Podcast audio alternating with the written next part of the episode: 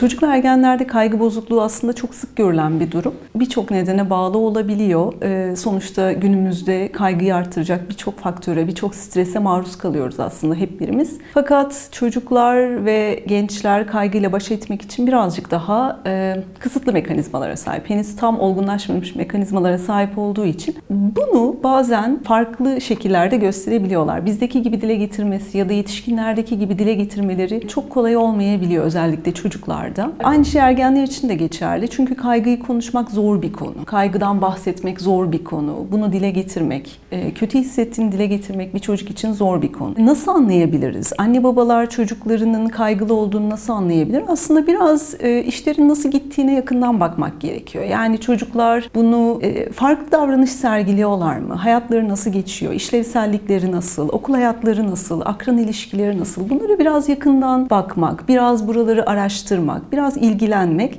aslında birçok mesajı almamıza yardımcı olur. Çocuklar çok kaygılıysa arkadaş ilişkileri olumsuz etkilenebilir. Okula gitmekten kaçınabilirler. Hatta bazen çok reddedebilirler. Özellikle e, ilkokul e, çocuklarında okul reddi çok sık gördüğümüz bir durum olabiliyor kaygı neticesinde. Gençler arkadaş ilişki sorunları, aile ilişki sorunları yaşayabiliyorlar kaygı bozuklukları ya da kaygıları neticesinde. Bunu dile getiremediklerinde çok gerilebiliyorlar. Tahammülleri az olabiliyor.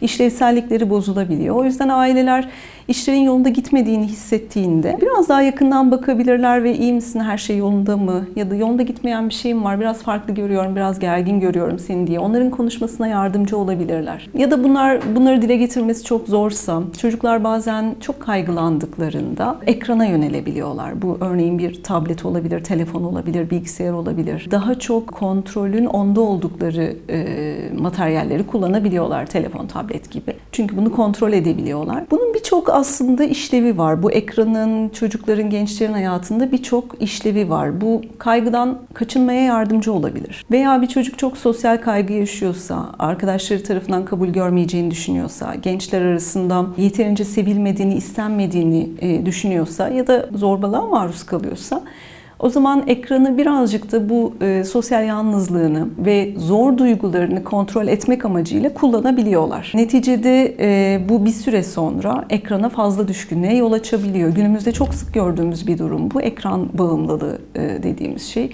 Öyle ki yemeğini e, bile ekran karşısında yiyen çocukları görüyoruz. Hiçbir şekilde etkileşimi kabul etmeyen, odadan çıkmayan, masa başında oturan, ekran başında oturan birçok genç görüyoruz. Burada gerçekten aslında problem tamamen eğlence amaçlı olmayabiliyor. Altta yatan zor duygularla baş etmek için kullanılan bir yöntem olabiliyor bu. Ee, buraya iyi bakmalarını öneriyorum ailelere. Bir süre sonra çünkü ekranı çok fazla kullanıyor olmak gençle, çocukla, aile arasında bir ilişki sorununa da neden olabiliyor. Çünkü annelerin, babaların gördüğü tek şey telefonu bırakmayan, tableti elinden düşürmeyen, insan içine çıkmayan, işte okula da şöyle böyle giden ya da gitse bile okul dışındaki zamanını tamamen ekran karşısında geçiren çocuklar olabiliyor. Burada nedeni e, gerçekten çocukların aslında dile getirmekte zorlandığı başka duygular olabilir. O yüzden burayı mutlaka incelemelerini, altta başka yatan nedenler olabileceğini unutmamaları gerekiyor ailelerin. Eğer varsa mutlaka bir profesyonel yardım almaları gerekmekte. Çünkü bir süre sonra iş kısır döngüye girebiliyor. Ekrandan çıkamayan çocuk sosyalleşemiyor. Sosyalleşemedikçe de sosyal kaygısı varsa çözümden uzaklaşıyor ya da diğer kaygıları aslında sümen altı edilmiş oluyor. Ama o kaygılar aslında orada kenarda bir yerde duruyor. Dolayısıyla uzun süredir kaygı bozukluğu yaşayan bir çocukta da bir süre sonra kaygıyı e, bertaraf etmek ya da e, kaygıyı çözmek, çözümlemek daha da zor hale geliyor. Bir süre sonra unutulabiliyor bile bile. Yani bu çok normal kanıksanmış bir durum olabiliyor. Özellikle zaten biraz içe kapanıksa çocuk öncesinde. Zaten biraz mizaç olarak çekingen, içe dönük, fazla girişken olmayan bir çocuk olarak da tanımlanıyorsa bu çok daha kolaylaştırıcı bir faktör oluyor.